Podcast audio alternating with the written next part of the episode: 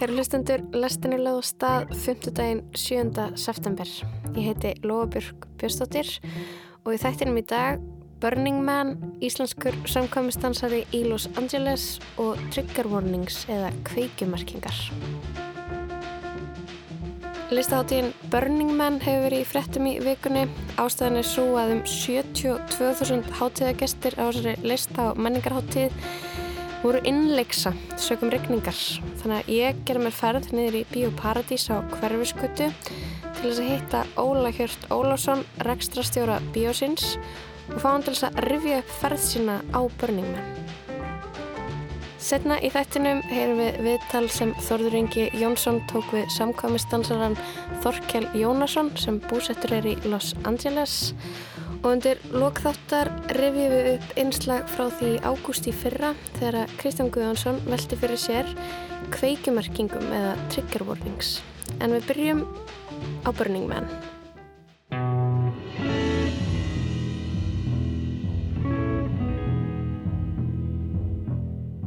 Háttíðin Burning Man er nýla afstæðin en hún hófst formulega 27. ágúst og átti að ljúka núna á mánudaginn. En gestir háttíðarinnar voru beðnir um að býða með að yfirgefa eðimörkina vegna þess að ryggning hafði breytt öllu svæðinu í eitt stórt forarsvað sem að bílar og hjól festust í. Háttíðin Burning Man á rætusunur að reyka til Kaliforníu, nánar tiltekið San Francisco. Þar höfðu listamann heist árlega á Beikarströnd og fagnað sumarsólstöðu með brennu. Þegar myndlistakonan sem hafði séðum að skipulegja brennuna dróð sér í hlje, tóku tveir félagar sér til með hennar leifi og tóku það að sér að skipulegja og halda brennuna. Það var þá fyrst árið 1986 þar sem að þessi hópur vina í Kaliforníu brendi stórt trélíkneski af manni sem að nafn hátíðarinnar vísar til Burning Man. Hefð sem hefur haldið sér síðan þá. Árið 1991 fann hátíðin sér nýjan stað, Black Rock eðumörkina í Nevada. Og árlega síðan þá, fyrir utan stöðlið í COVID, hefur borgin Black Rock City resið á svæði sem kallað er Playa. Playa vísar til þess að um þurran vassbotn er að ræða. Og þessi þurri vassbotn blotnaði í rigningu helgarnar og breytist í leðju sem að lyktist blöytri steipu svo að ótal bílar festust og fólk var innleiksa. Ekki var hægt að tæma neina kamra og gestir hátíðarnar voru beðnur um að halda kyrru fyrir og brennu mannsins úr tri var frestað. Og meðan þetta var allt í gangi fylltust samfélagsmiðlati mínur af gríni og þorðarkleði grínu um ríka fólki sem satt fast í eðimörkinni, fast í forarpitti. Það þótti fyndið og kaltænslegt. Sannilega vegna þess að þessi háttíð sem byggist á fallegum útópískum hugsunum, hver sem er má vera með, allir eru velkomnir og með að vera eins og þeir vilja, tjási eins og þeir vilja. Þessi háttíð er að mestuleiti fjölmend af ríku kvítu fólki, fólki úr kísildalunum, áhrifavöldum og frægufólki. Burning Man er haldinn á landsvæði sem tilherir frumbyggjum Norður Ameríku. Það hefur verið reiknað út að hátíðin mengi á það sem 22.000 bílar gera á einu ári. Miðin hann kostar 800 bandaríkjadali eða rúmar 100.000 krónur. En einhverju hluta vegna fer fólk sjálfveiljögt og eðir viku í tjaldi í eðimörkinni í steikjandi hitta. Óli Hjörtur fór á háttíðina fyrir rúmum áratug og rifjaði það upp fyrir mig í sal 1 í Bíóparadís.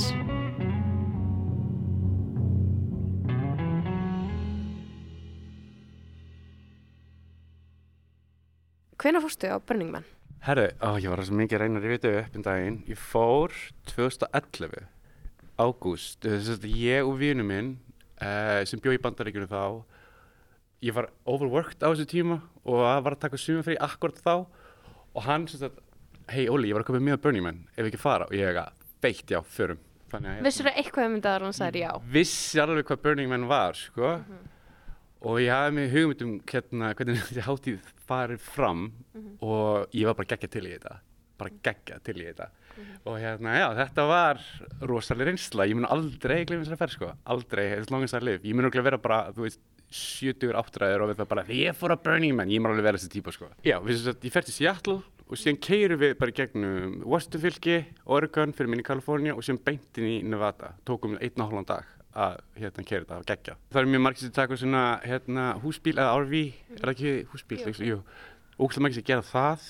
Uh, við vorum bara vennileg bíl, bara vennileg fjærist þetta bíl sko síðan þarf þetta að kaupa mat sjálfur, þú getur í keift mat á staðinum þannig að hérna, við byrjum upp að fullt af vatni bjór og orkudrykkjum og bara mat og bara plönum út bara eiginlega bara uh, matsel bara alla daginn sem, sem við vorum þarna. Þið voru hann í viku. Nei, við vorum í fimm dag, við gáumst upp á fimmtudegi, satt að segja, sko, þetta var svo ógæðislega mikið, ég var komið síkingu í löppina, þannig ég var hann haldrandi og það var sandstormur og það var alltaf sandur að koma inn í þetta og alltaf versna, versna, versna og ég var hann haldur á degi fjögur. Og þess að vinnu minn var, ný, var sko nýbakað fjölskyldu.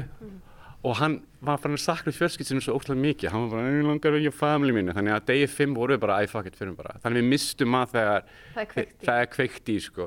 En hérna, fimm dagar voru meira nóg sko. Mér finnst að helgi hefði verið gott fyrir okkur sko. Mhm. þetta var intense. Þú varst þarna í fimm daga. Hvað sástu? Um, þetta er náttúrulega allt út í listaverkum og ljósum. Hvað, hérna, hvað varst að gera? Eh, sko, ég vaknaði á mótana um, gapandi og fór að sofa gapandi sko, þú veist, ég get ekki henni list í orðum hvernig hann var nema það að ímyndaður þú átt ammali og það eru svona 10.000 manns dægilega áskætt til hamingju með ammali þetta er svona nálegast utópíu svona uppbygging af utópíu samfélag sem ég hef upplifað sko. þetta er ekki tónlistráti, þetta er bara upplifun og fólk er svona komað með sín svona faratæki, gera eitthvað svona listverk út úr því og er bara að fara út um allt. Og sko, gott dæmi ég vaknaði einn morgunin og hérna klukka var svona átta og ég var eitthvað svona gett nývaknaður og var ekki alveg þetta var dag tvö. Og ég, alveg, ég man eftir, ég var ekki alveg átt með hvað ég var. Ég bara byrja, ég er í tjaldi ég er í bandaríkjunum, byrja, hvað er ég og ég var sem gett ringlaður. Og ég heyri fyrir fjarska lagið A Whole New World úr Aladdin og svona rættir eitthvað svona A Whole New World eitthvað svona þannig. Og ég eitthvað, ok, já, já, ég er á Burning Man. Og ég er eitthvað vandræðast hvað, veitir, hvað, ok, hvað er í gangi að núti og ég lapp út. Og það er svona huge svona húsbíl og svona 50 manns eða eitthvað ógæslega mikið fjöldi á þessum rostar húsbíl. Út úr dópuð að syngja Whole New World og fara bara í hringi fram og tilbaka, fram og tilbaka ég er bara, já, já, ok, ok, ok ég, ok, ég er bara hér, ok, let's do this Já, þetta er svona klassíst Burning Man moment. Já.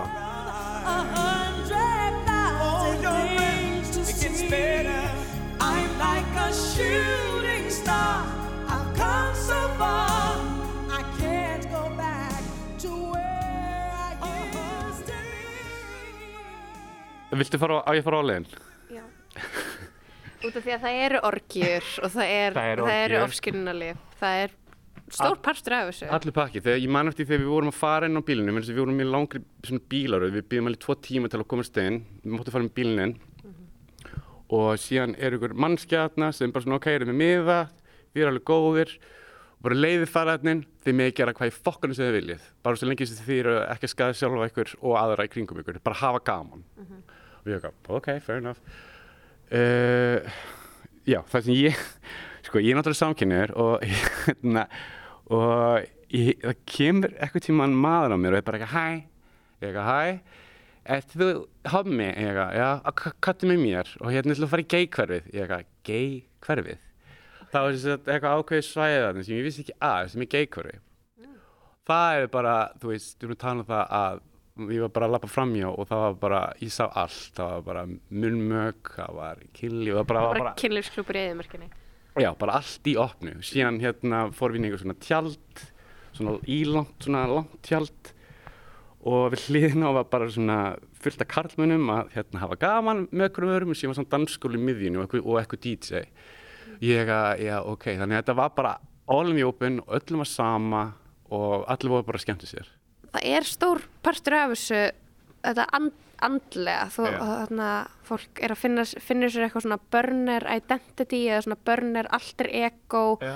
fá sér eitthvað nýtt nafn, er jafnvel í búning Uh-huh. og þarna, fannstu mikið fyrir, þú veist, andlega bóðskapnum var þú sem svona, hvað er að kalla virgin burner eða eitthvað svona burna í- Burnu, burnu, burnu, já. Já, eitthvað þannig, þarna, fannstu mikið fyrir þessu Í, já, og tókstu þátt, fegstu þér nafn og búning? Nei, en ég alveg klætti mig öðruvísi uh, skilur og hérna var ég meira svona, svona litriku fötum, ég er alltaf bara í brúnum og svörtu fötum, en ég svona, tók svona smá þátt, en ég þóri ekki að fara allar leið með þetta, fyrir ég var svolítið feimin ég var að viðkjöna á tímubili, en mér langaði að vera með, en ég vissi ekki alveg hvernig ég átti að gera það, sko. En já, fólk var mjög andlegt þarna, það var fullt af jóka dæmi og hérna og þá með þess að bíósýningar þarna sem fólk var eitthvað að vekja aðtikla á veganisma og uh, og það var öllum bóðið að taka þátt en ég var pínu feimin, ég verði að viðkynna sko. ég fór ekki alveg all, all, all in. Varstu smá kaltæðin?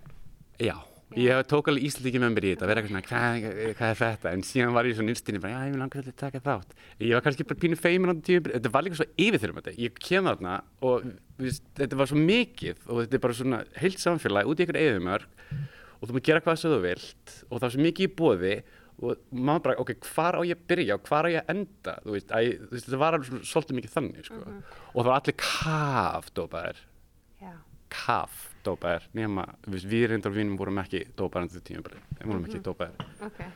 Þegar þú varst þarna veginn sem Íslendingur þar er svona óhjákvæmulega aðeins, aðeins svolítið svona fyrir utan þessa menningu, svona nýr í þessum kultúr. yeah. Um, varstu að pæla í þessu? að Þetta væri kannski svona, það væri kannski svolítið restni í gangi þarna. Sko, uh, í, já, nei Málega það, að ég, ég fór 2011 og síðan svona fór ég að fylgjast með árunum eftir á svona hvernig gengur börnum mín núna ég var alltaf með pælingu, ég verði að fara aftur síðan þegar árun liður, svona 2013-14 þá fyrir fréttið að Mark Zuckerberg hafi komið með engakokka og þú veist, og eitthvað stóran húsbíl og, og allt í nú voru svona Hollywood-stjörnur farin að, ú, Burning Man, það er eitthvað. Og síðan fannst mér eins og þessi hátíð var byrjað að koma að orða sér að þetta væri svona bara fyrir eitthvað svona celeb og fólk sem var með bara mjög háa tekjur. Miðinn held ég í dag kostar 800 dollara. að hvað borga ég eftir, ég held ég borga ég borga 100 að mér rámar á sínum tíma. Mér rámar þess að það veri 100-150 þetta var ekki, þú veist í, á þeimstandi í dag var það ódýrt, sko þá var það dýrt I was in a way, Já. en En þetta er svona, 800 dollarar já. ok, já þá vá, ég get svarði að borga bara 150 dollarar fyrir yngöngum í þann Já, og maður svona velti fyrir sér líka hvað er verðbólga og, en, en Já, þetta, er klál, er klálega hátíð sem er búin að breytast hún er alltaf örgulega búin að breytast frá því hún var stopnuð og örgulega búin að breytast eitthvað síðan að þú fórst Já, alveg klárlega, sko. Ég held að þessi múin að fá meira á svona uh, recognition hjá fólki sem er efnað. Mm. Skilst mér og ég er búin að fatta það, eða þess að mér finnst það. Og líka, sko, þessi stjórn, eða fólk sem skipulegja börnum er vist búin að fá okkar skíkast á sig, sko, út af þessu vegna þess að, hérna, þau ætla að hækka miðan hverju ári, er ég búin að heyra líka, en ég finnst ekki að vera 800 samt. Og og þetta var non-profit en síðan eru þau vist að græða pening og er ekki að gefa tilbaka. Þetta er það sem ég er búin að heyra sko. þannig að það er vist eitthvað spilling þarna þú veist, hjá stjórnundum þetta er bara sem ég er búin að lesa. Hversu satt það er veit ég ekki en ég er ekki hissa já, sko, ég held að Constantine sé það sama sko. en ég held að þetta sé miklu meira efnaðara fólk núna sem fer á þetta en, en skilur, en þetta byrja bara sem einhver lítil hip-hátt í síðan stækka og stækka og stækka og stækka og stækka skilur, þetta byrja bara með fátökum hipum í San Francisco held ég, að mér ámar Hvernig þarna, þið gefist upp þarna eftir fimm daga eða mörkinni missi af stóru brennunni sem er svona einhvern veginn á á að vera hápuntur hátíðarinnar. Um, hvernig gekk ykkur þú veist, að lifa af í eðimörkinni var óslega heitt. Hvernig, Þetta var 40 stið hitti, ég man til því og ég brennst mjög öll ég er mjög rauðbyrkin maður. Og þetta var viðbjöður það var sandstormur eiginlega bara svona, þú veist, alltaf. En á sama tíma fekk ég svona pínu svona, finnst ég aldrei að fara eðimerkaður þannig að hérna fyrir þá og ég fekk svona pínu ást á eðimerkum eftir þetta. Það hefur svona fyllt mér eftir Burning Man. En hérna ef við hefðum ekki mat og keft nóg mikið vatn þá hefðum við ekki megað þetta sko. og þessi við klikkuðum á ef ekkur, ef ekkur vill fara á Burning Man á næsta ári við sjáum hvernig það með ganga eftir þetta shit show sem bara er í gangi núna uh, e, e, e, þá takk ég mig hjól. Við klúram að því sko. þú verður að hafa hjól til að mega þetta. Já, til þess að fara á milli staða. Yep. en þú veist, hvernig er mennilegu dagur á Burning Man? Hvað er hverju dagskráin oh my god, ok, ég þarf smá tíma til að pæla í þessu vennileg dagur á Burning Man um, þú vaknar uh, þú færið bara vatn og hérna svona lappar aðeins um kannski reynar að kynast fólki við byrjum alltaf að drekka þetta mjög snemma sko. það, það var ekkert vesen sko. þú bara grípur þetta allt inn eins og þú getur eins og ég segi, eins og ég sagði, þetta er ógæðislega yfir þegar þetta hátíð sko.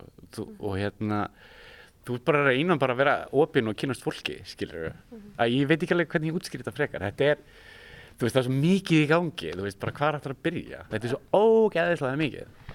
Fólk er svona, það er svona bílar sem keira um með tónlist Já. sem eru svona skreittir og eru svona listaverk það er fólk og ég, það sem ég hef verið svona að sjá er að fólk er svona eitthvað að elda bílana og dansa í kringum þannig, þetta er svona já, partí já, og hreyfing Já, já, algjörlega, algjörlega. Þú veist sko, ég var að muna þetta einn minningu núna. Ég hérna, það var eitt kvöld sem að vinur minn fór á svo snemma og hann var eitthvað þunnur í daginn á undan og ég eitthvað, hei, ég ætla bara aðeins að lappum og ég, ég fann svona kúluhús. Hefur þessi myndana Matbox 3? Með, Tina, með Tina Turner, ok. Eh, Hérna, það er svona að, uh, það var svona kúluhús með svona, hvernig maður ég segja, uh, þú gast hangið á því. Þú gast farið bara upp á toppin, það var huge kúluhús, þú gast bara allavega, þú gast hérna fara á toppin og þú gast svona litið niður inn í kúluhúsi svona eins og þetta verið eitthvað klifugrind eða? Já, já, já, já, ná- nákvæmlega. Og það af fólk í kringum og ég var eitthvað, hvað er þetta? Og ég ferði hérna inn og það var, það var svona tveir menn, þeir voru svona hangað í reipum og þeir voru svona að og þú veist svona tekin og svona henda okkur annan og síðan varst að slást ok. við, er ég, er ég að mega sens? er, Þetta er eins og var í myndinu Mad Max 3 og eitthvað sem myndinu Mad Max 3 þá var svona svipadæmi, ég held að það hefði verið sko hérna móturhjól endar Ok. í því, það var ekki alveg móturhjól þarna. Fólk er, að það er fólk hangandi í reipum að slást. að slást, svona gannislást svona eins og svona og síðan er bara svona, þetta er svona inn í kúluhúsi og síðan er fólk bara hangað út um allt kúluhúsi og er bara eitthvað, já, þetta var svona þú veist, ok, þetta, já þetta er svona, já þetta var mjög mikið matmaksfílingur ok. á tímum, sko. Tónlistin, hvernig Oh God, fannst þér fannst þér vera að s- spilu góð tónlist? Nei, nei, nei, nei, nei, nei, þetta var EDM ég veit ekki hvernig það er núna, en veistu hvað EDM er? EDM, Já, já. Ógæðislega tónlist. Og hérna ég sko ég hef ekki skemmtistæði mjög mikið í gegnum tíðina og hérna ég elska hústónlist frá Berlín og New York og Chicago og ég held svona að þetta væri svona þannig legt, ég var svona vonst til þess. nei, nei, þetta var bara eitthvað svona glata EDM ég, var mjög ég mani því, það var mjög erfitt fyrir mig að finna góða tónlist. Þannig að ef þú ert eitthvað séni í hústónlist þá er þetta ekki fyrir Nei, ég veit. hvernig uh, hip-hop, þú veist þetta var bara EDM það var bara EDM, EDM, EDM, EDM, EDM ég sem mér fannst mjög undarlegt sko. Mm -hmm. ég var alltaf, þú veist, ég var alltaf að vonast þess að alltaf heyra flýt út makka eitthvað staðar, nei, nei, nei, nei. Þetta var bara svona sko. Æ, veistu hvað ég meina? Einmitt, um, þarna, ok, þú, þú segist að hafa tekið kaltæna Íslandingin sem býr innra með þér, anga, hvað, þú veist, feimni kaltæni femni að þarna fyrst mikinn kjánaroll eða, uh, ekki veit kjánaröll en hérna, ég man ekki að það var eitthvað svona kastali eitthvað staðar, ég var að labba eitthvað staðar og allt einu sé hana hjúts kastala. Og við, ég og vinnum minn Nikolas ég er nú bara, uh, við sáum fullt af fólki að hana þannig að við erum ekki, herðu, kíkjum inn í hana kastala. Og hann var eitthvað þremur hæðum fyrir maður leiði upp á toppin, síðan konum á toppin þá gæt maður lít niður og sér það sem var í gangi á inganginum og við einhvern veginn mistum að því partí.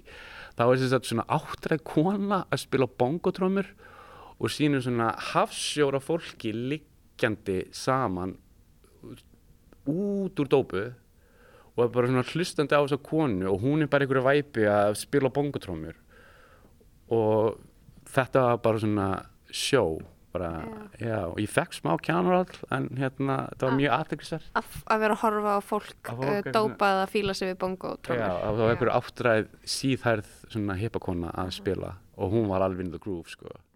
Þetta var ógstlega fyndið sko. og síðan sko, það sem best var líka fólk var svona klætti sem það var vilt á öll svona litrík föt og fólk svona fór all in í að gera föt símast það var ógstlega beautiful og það var ógstlega gaman að horfa bara sum outfitin sem fólk var í var bara, já ok þið tóku bara tíma. Að þetta var eins og vera þú veist, karneval í Rio de Janeiro þú veist, svona, þú veist, fjæðrir og þú veist, ógæslega mikið neonlitir á fattur, eða svona blanda af karneval í Ríónu og reyfi.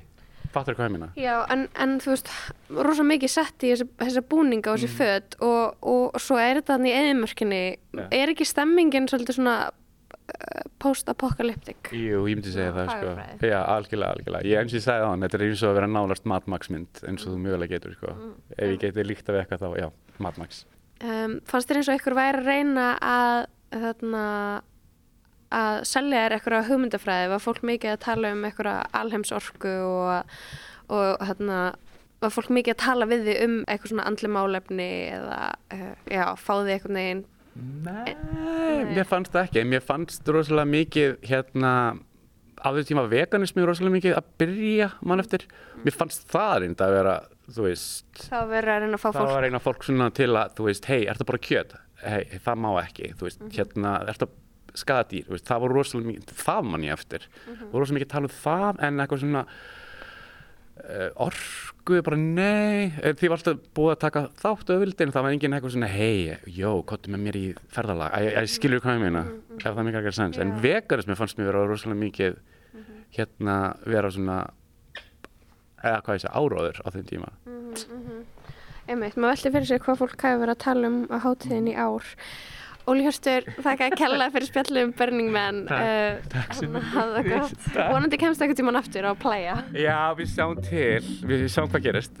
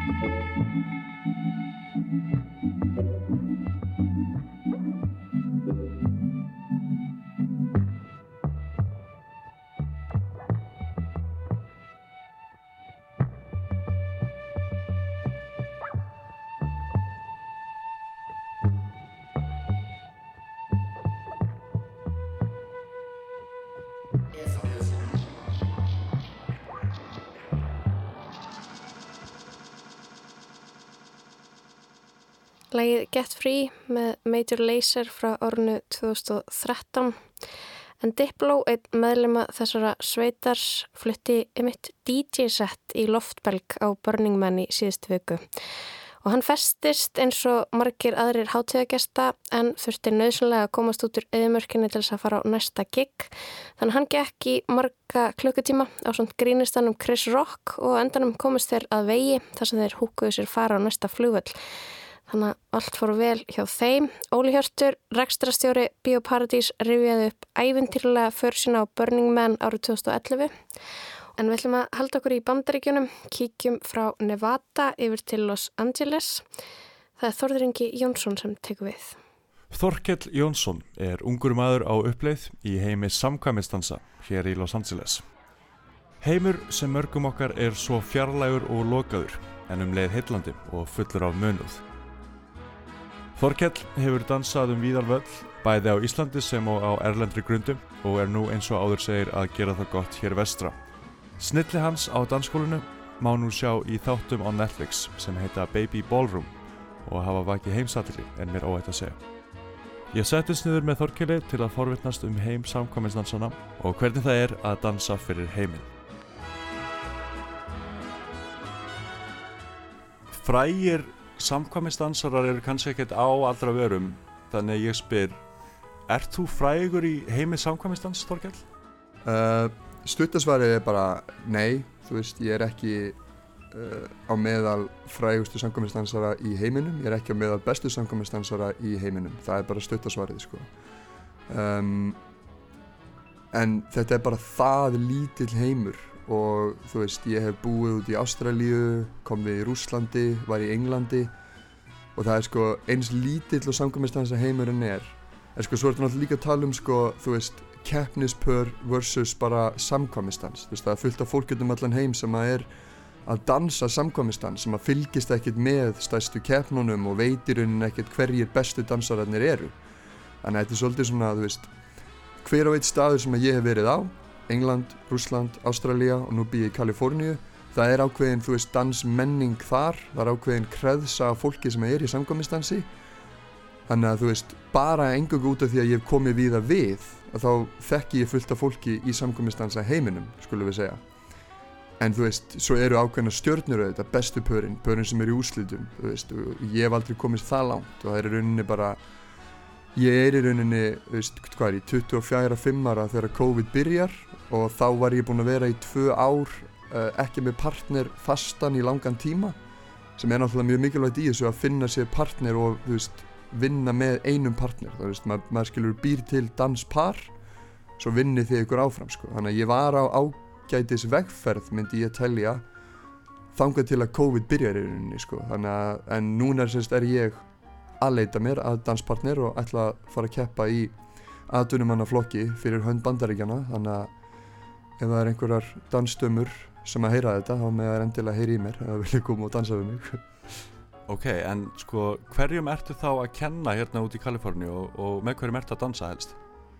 Heyrðu, ég er náttúrulega helst hérna í bandaríkjónum að kenna uh, já, maður getur bara sagt það eins og er ég er náttúrulega helst að kenna svona miðaldra konum. Það er svona minn helsti markhópur. Þannig eins og, auðvist, ef ég ber þetta saman við dansheimin á Íslandi og Bretlandi að þar var ég aðalega að kenna krökkum, skilur við, sem er að keppa í dansi. En hér er þetta meira social og, og svo náttúrulega get ég farið tala mjög lengi um Pro-Am, sem er að professional amateur, þar sem að fólk, þar sem að, þar sem að nefnendur keppa með kennarannu sínum. Og það er svolítið svona, það er svolítið svona aflið hérna í bandaríkjónu sem að dregur svona marga dansara til bandaríkjana er að það er rosalega stórt uh, rosalega stór pro-am sena hérna í bandaríkjónu sem að, þú veist, er að borga bara töluvert betur enn í flestum stöðum í heiminum. Það er bara, þú veist, það er bara meiri uh, já, það er bara stærri sena í því, sko. Þannig að, þú veist, það er það sem að hefur kallað mig hinga og ég, þú veist, ég er búin að vera að hugsa um að flytja til bandaríkjana alveg síðan að ég bara já, mér var sérst bóðið með fyrirverandi dansstömmunum minni íslensku, henni Denise sem við dansuðum saman í einhver fjögur ár að sérst okkur var bóðið að flytja til Boston hérna þegar ég er hvað, 21 árs eða eitthvað fyrir sex árum síðan, cirka. Og við vorum að bara, ég var þá á bara leiðinni til Boston þegar að sem sagt uh, uh, ég og Denise ákveðum að dansa ekki lengur saman. Og þá endaði ég í Breitlandi og fer þá í Zigzag Dance Factory þar sem að Baby Ballroom er tekið upp. Þannig að þetta er alltaf svona eitliðir af öðru sko. en já, ég sést er helst að kenna bara uh, konum uh, svona á miðjum aldri. En svo er ég alveg líka með einhver pör og, og svo er ég með, þú veist, einhverja krakka en þetta er svona, það er aðal markáburinn hérna úti sko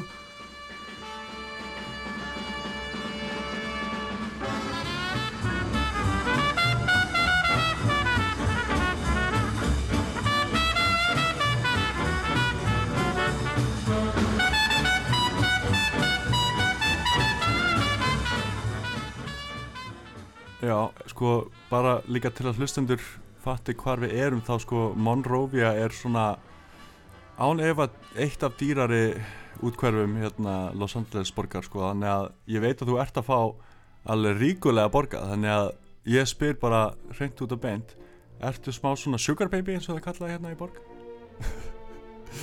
Sugar baby Sko Ég náttúrulega bara uh, Fæ borgað Fyrir það að vera danskennari sko. Að, en veist, vissulega er ég búinn að komast að því sinni fluttinga út að það er alveg ákveðin fríðindi sem að fylgja þessu að því að sko samkvæmistan sem áhugamál hérna í bandaríkjunum þetta þetta er mjög dýrt áhugamál sko. Þannig að þú veist þetta þú veist fólki sem er full on í þessu það þú veist á alveg pening.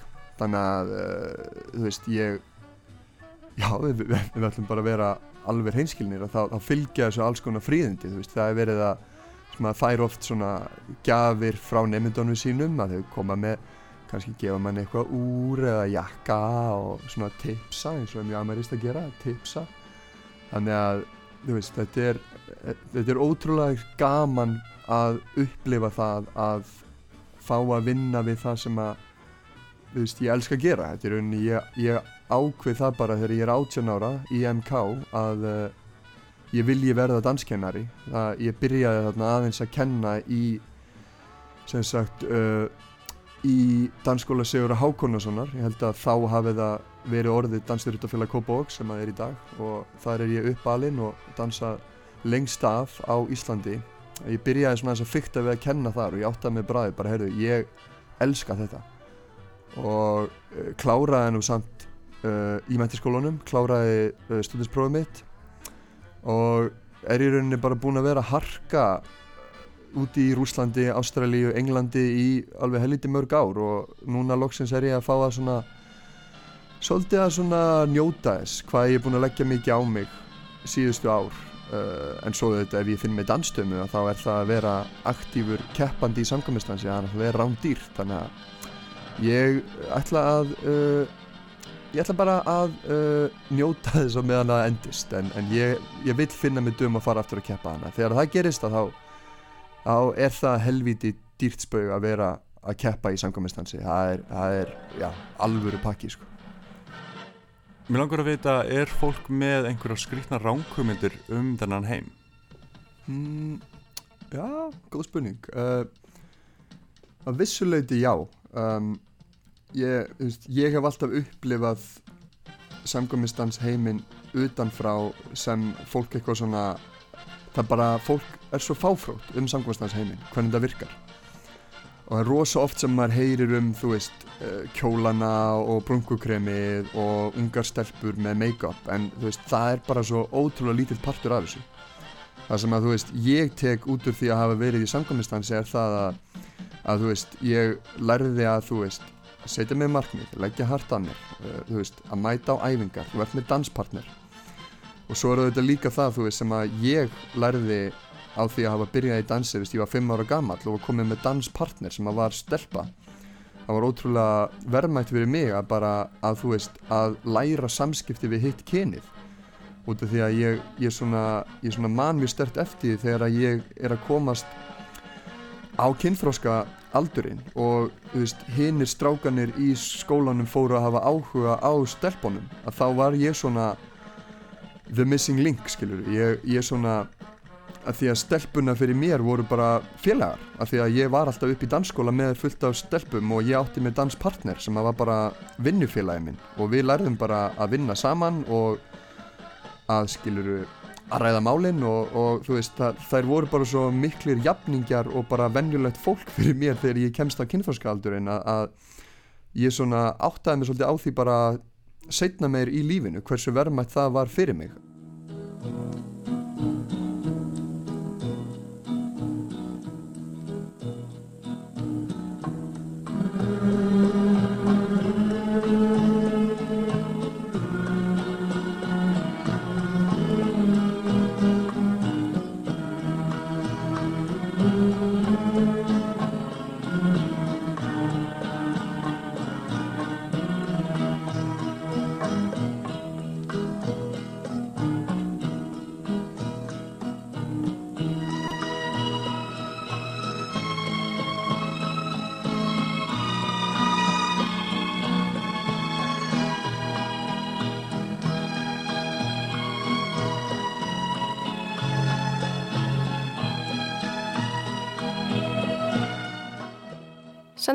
Frá vesturströnd bandaríkjana Þorður Ingi Jónsson reddi við samkvæmistansaran Þorkel Jónsson. En næst ætlum við að heyra einslag frá því ágúst í fyrra þegar Kristján Guðvansson velti fyrir sér kveikumerkingum, áfalla viðvörunum, vábóðum eða trigger warnings eins og talaður um á ennsku. En á dögunum þá hvað þjólukursið að taka upp að merkja síningar sínar með kveikumerkingum og í kjálfarið spruttu upp umræður um nýtsemi slíkra merkinga.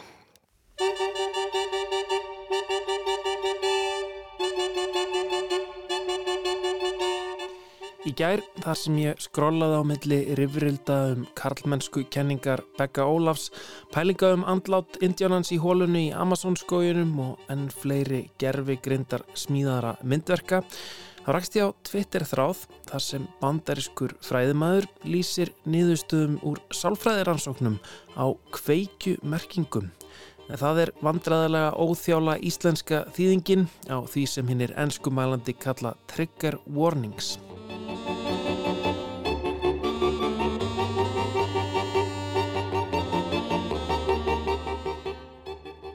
Slíkar viðvaranir byrjuðu uppálega að skjóta upp kollinum snemma á 2001. öldinni á feminískum vefsíðum. En líklega er um áratugur frá því að krafan um slíkar viðvaranir fór að verða ábyrrandi í meginströmmnum, ekki síst í frjálslindum háskólum í bandaríkjunum, þar sem nefnendur vildu fá aðvörun áður en þeir voru látnir sökva sér ofan í stuðandi efni, rasískar bækur eða sögur þar sem barnagirind var miðlag. Já, trigger warnings eru sem sagt aðvarnir eða fyrirvarar á undan grófu menningarefni sem fjallar um eða sínir aðtapnir sem gætu vakið upp óþægilegar tilfinningar hjá áhorfanda, stuðað viðkvæmar sálir, íft upp gömul sár fórnarlampa ímiskonar ofbeldis, tryggjara þá og mynd á gömul áföll.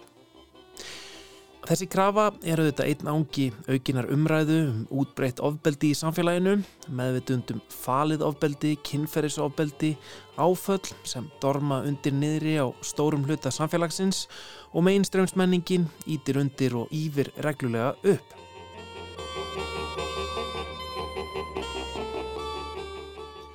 Það er auðvitað ekkert nýtt að fólk hafi áhyggjur af áhrifu menningarefnis á sálartettur viðkvæmra einstaklinga.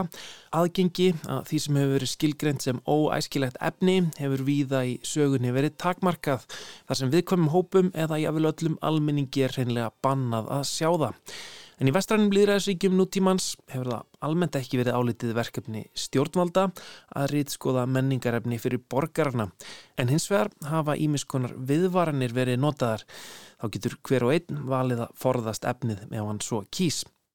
Eitt dæmi er að frá árinu 1990 hefur aðvörnar límiða verið skellt á útgefna tónlist í bandaríkjunum þar sem blótsýrði eða klúrir tekstar um kynlíf heyrast, parental advisory, explicit content, Aðvörun til foreldra ber sögult efni. Uppálega var þetta mikið barátumál, fórseta frúarinnar Tipper Gore og annara íhaldsamra bandaríkjamanna sem voru hrættir um að tekstasmíðar poppara og rockara leittu til samkynneiðar, ofbeldisneiðar og satanisma hjá ungum og óhörnuðum unglingum. Some rock artists actually seem to encourage teen suicide. Ozzy Osbourne sings Suicide Solution. Blue Oyster Cult sings Don't Fear the Reaper. ACDC sings Shoot to Thrill. Just last week in Centerpoint, a small Texas town, a young man took his life while listening to the music of ACDC. He was not the first. Hugmyndin var að foreldrar gætu forðað viðkvæmum börnum sínum frá siðspillingunni en fljótlega eftir að miðin var komin í gagnið fóru rapparar að flagga honum eins og kórunu.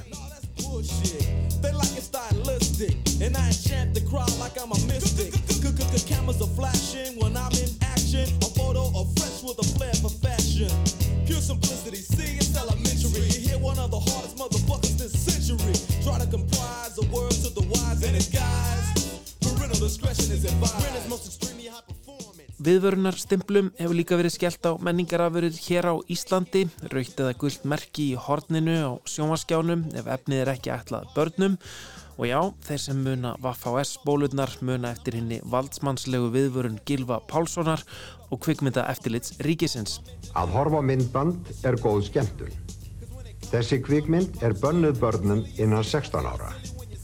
Fóraldrar og forráðamenn barna og unglinga eru vinsamlega speðnir um að virða aldurstakmarkið.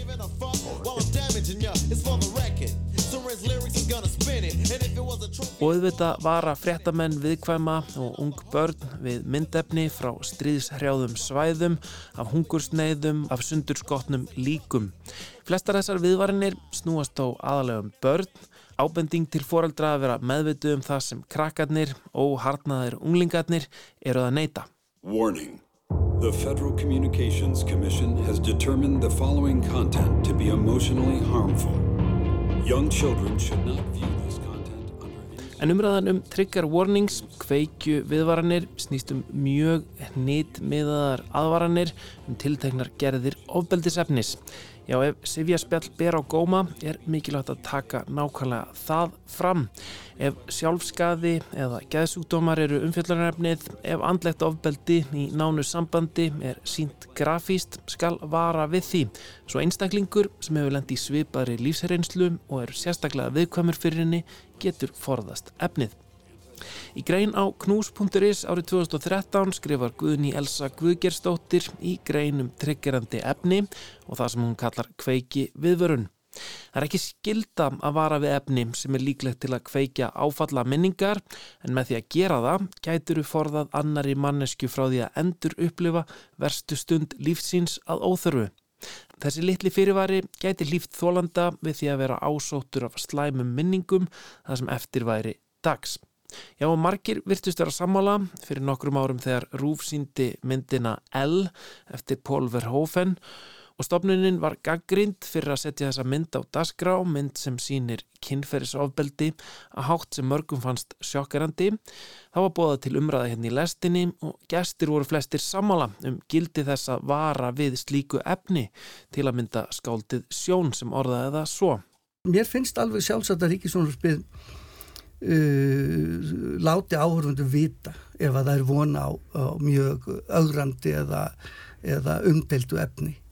Og í þessu tilfelli myndin sín klukkan tíu á, á sunnundaskvöldi í röð mynda sem er verið að kynna sérstaklega. Ég, mér hefði alveg þótt uh, í lægi að það hefði verið sagt nú er að koma hér svona mynd hér er verið að taka á, taka á mjög erfiðum málum. Í þessari mynd er, hrottaleg nögun og vinsamlegast uh, uh, takið ákvörðunum það hvort þið ætla að horfa myndinu ekki út frá því sem þið vitið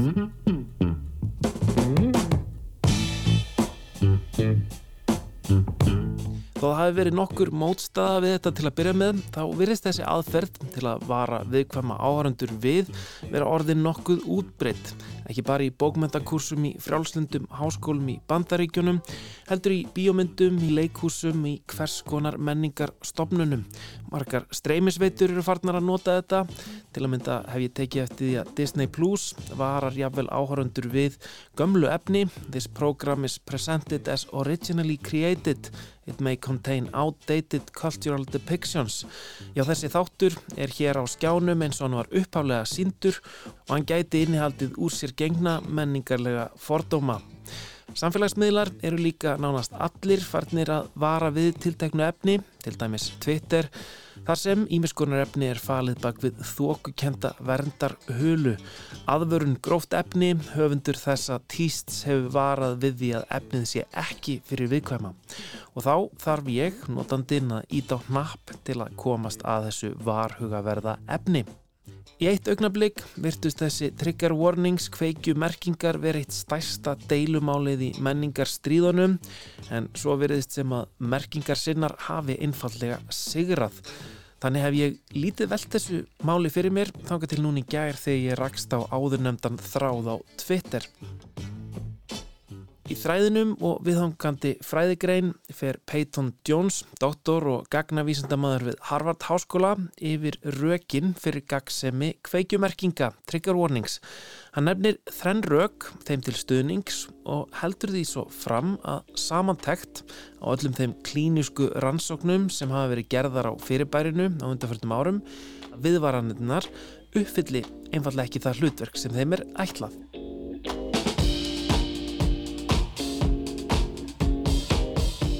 Teimið sem hann tileirir hefur þannig sapnað saman gögnum úr ýmsum klíniskum sálfræðiransóknum um kveikjumerkingar.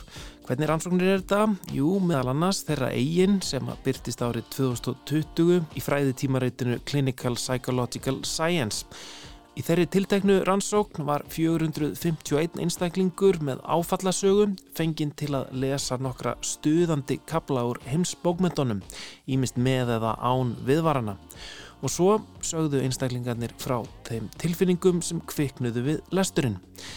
Já, nokkrar slíkar rannsóknir hefur hópurinn svo notað til að greina gagsemi, já, eða gagnleysi merkingarna. Peyton fyrir gegnum það sem hann álítur vera þrjú algengustu rökin fyrir trigger warnings, kveikjumerkingum í þræðinum. Hann skrifar, ein algengur rauk eru að kveikjumerkingar gera einstaklingum kleift að undirbúa sig til að mæta þessu óþægilega efni. En gera merkingarnar þetta í raun og veru? Peyton segir nei, ef þetta er markmiði þá eru þær gagslausar. Nánast allar rannsóknir sína sömu niðurstöðu, nánast engin áhrif, þar sem ekki er greinanlegur munur á viðbræði fólks við mögulegu stuðandi efni eftir því hvort það var varað við eður einn.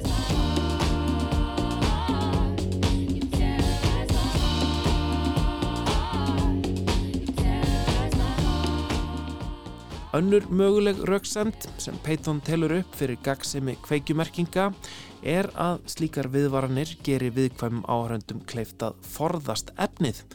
Reyndar er það ymmið þetta sem að gaggrindur merkingana eru líka hrættir um en þeir telja slæmt að fólk forðist allt augrandi efni sem að mun, þegar allt kemur til alls, hjálpa þeim að vinna úr áfallinu. Þau vilja semst meina að flótti frá öllum mögulegum kveikjum sé hreinlega flótti frá lífinu. En ok, hversu algengt er það að fólk forðist menningarefni vegna slíkra viðvarana? Sankvæmt rannsóknunum, alls ekki algengt, segir gagna sérfræðingurinn frá Harvard. Þert á móti eru vísbendingar um að fólk sæki enn frekar í efni með slíkum viðvörunum. Og þetta er ekki síst, jável enn frekar þeir sem glýma við einhvers konar áfallastreitu röskun. Þriðjurökin fyrir kveikjumerkingum sem Peyton Jones týnir til eru þau að nefendur í háskólum séu betur í stakkbúnir að meðtaka og melda námsefnið ef þeir hafa verið varaðir við stuðandi þáttum þess áður. En enn einu sinni segir Peyton engar vísbendingar um þetta í gögnunum.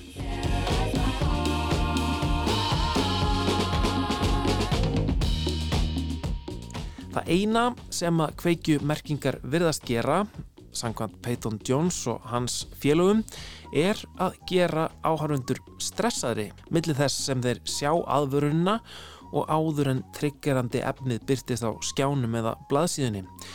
Þannig að hann vil meina að kveikjumerkingar séu þegar allt kemur til alls tiltulega gagslausar og ef eitthvað er, frekar skadlegar. Raunar segir hann á öðrum stað að vísbendingar séum það í rannsóknunum að áhrif kveikjumerkinga, trigger warnings, geti raun haft þau áhrif að fólk samsami sig enn meira með eigin áfallasögu sem hafi svo aftur slæm áhrif á áfalla streitu röskunna, aukna viðkvæmni fyrir áfalla kveikjum. En einhvern veginn gruna mig að þessar niðurstuður komi bara allt, allt of seint. Já, fyrir andstæðinga trigger warnings, kveikju merkinga, þá sé þetta og þið afsækið orðbræðið. Ég var eitthvað við, það væri hægt að tólka þetta sem upphafningu á kynferðislegri áreitni. Þá er bara of sent í rassin gripið. Trigger warnings, kveikju merkingar, hafa undanförnum áratug, fest í sessi sem hluti á okkar menningar umhverfi.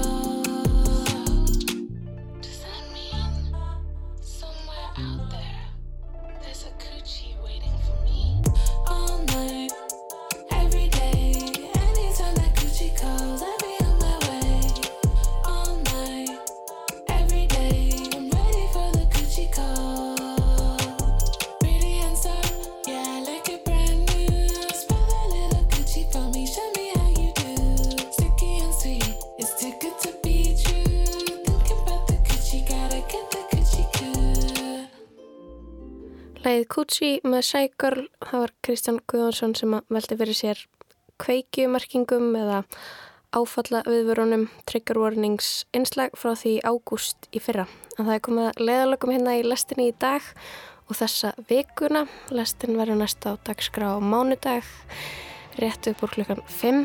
Ég heiti Lóbjörg Björnsdóttir og þakka samfélgina. Tæknumæður í dag var Kári Guðmundsson. Verið sæl.